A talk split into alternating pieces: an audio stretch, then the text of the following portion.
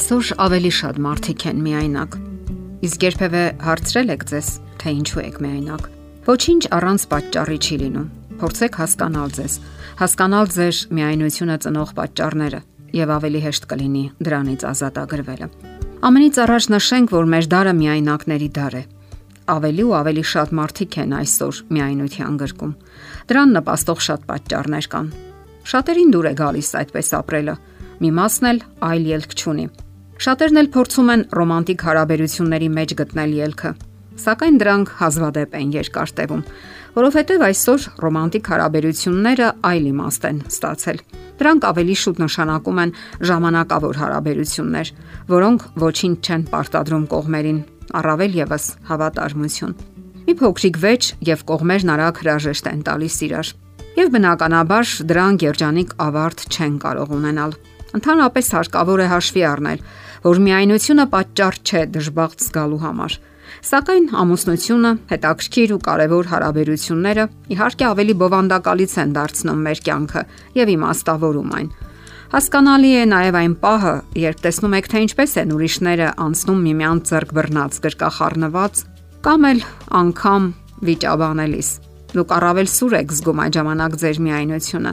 Սակայն մի մտածեք, որ դուք միայնակ եք այն պատճառով, որովհետև գրավիչ չեք։ Ձեզ անհնար է սիրել կամ էլ անհնար է ձեզ հետ ապրել։ Պատճառները հնարավոր է բոլորովին էլ այլտեղ են թաքնված։ Խոսենք դրանցից մի քանիսի մասին։ Միգուցե դուք չեք հանդիպել հերանեկարային տեխնացուի։ Անհնար է հանդիպել որևէ մեկին անընդհատ նստելով տանը Աշխատանքային պայմաններում նույնպես դժվար է հանդիպել հավանական զուգընկերոջը։ Հասարակական աշխատանքներն ու ճանապարհորդությունները նույնպես հազիվ թե օգնեն։ Իսկ ահա հանդիպումները տարբեր միջավայրերում կարող են օգնել։ Դուք կարող եք գնալ այնպիսի հանդիպումների կամ միջոցառումների, որտեղ կարող եք հանդիպել տարբեր անznավորությունների։ Եթե նույնիսկ նրանց մեջ չգտնեք ձեր սրտի ընտրյալին, նրանք կարող են ճանոթացնել ձեզ իրենց որևէ ընկերոջ հետ։ Միայնության երկրորդ պատճառը կարող է լինել այն, որ դուք վախենում եք հարաբերություններից։ Շատերն են վախենում հարաբերություններ սկսելուց, սակայն չգիտես ինչու դրանք անվանում են ընտրողականություն։ Մեզանից շատերն են ունեցել անհաջող հարաբերություններ, որոնք վատ են ավարտվել։ Մեզ դավաճանել են կամ էլ խափել։ Հնարավոր է մենք ենք դավաճանել կամ խափել, Բացասական փորձառությունները ստիպում են մեզ կասկածել ու չվստահել ցանկացած հարաբերության անկեղծությանը։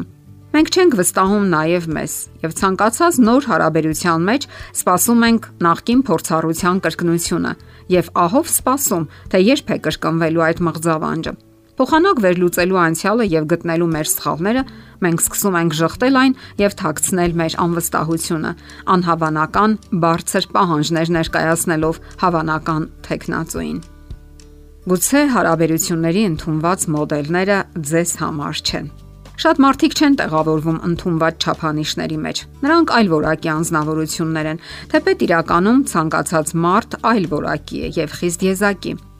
Ուրեմն հասկացեք ձեզ եւ գտեք թե ինչն է դուր գալիս ձեզ եւ ինչը ոչ։ Չի բացառվում, որ դուք մարդկանց այն տեսակին եք պատկանում, ովքեր իրենց միայնակ ավելի լավ են զգում եւ չեն կարողանում համակերպվել ուրիշների ներկայության հետ։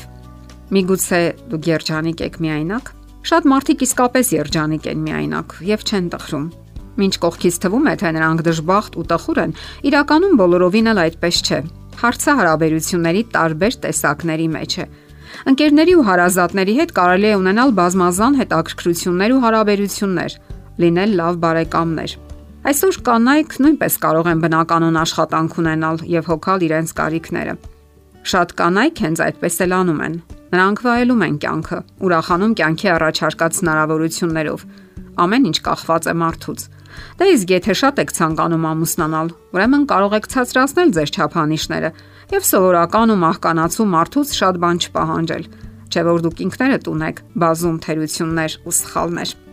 Գուցե ձեր միայնության պատճառը բացասական օրինակներն են։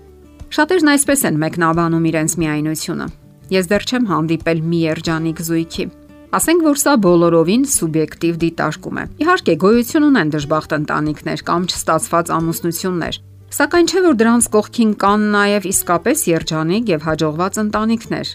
եւ բոլորովին էլ պարտադիր չէ որ դուք լինեք հենց անհաջողակների շարքում։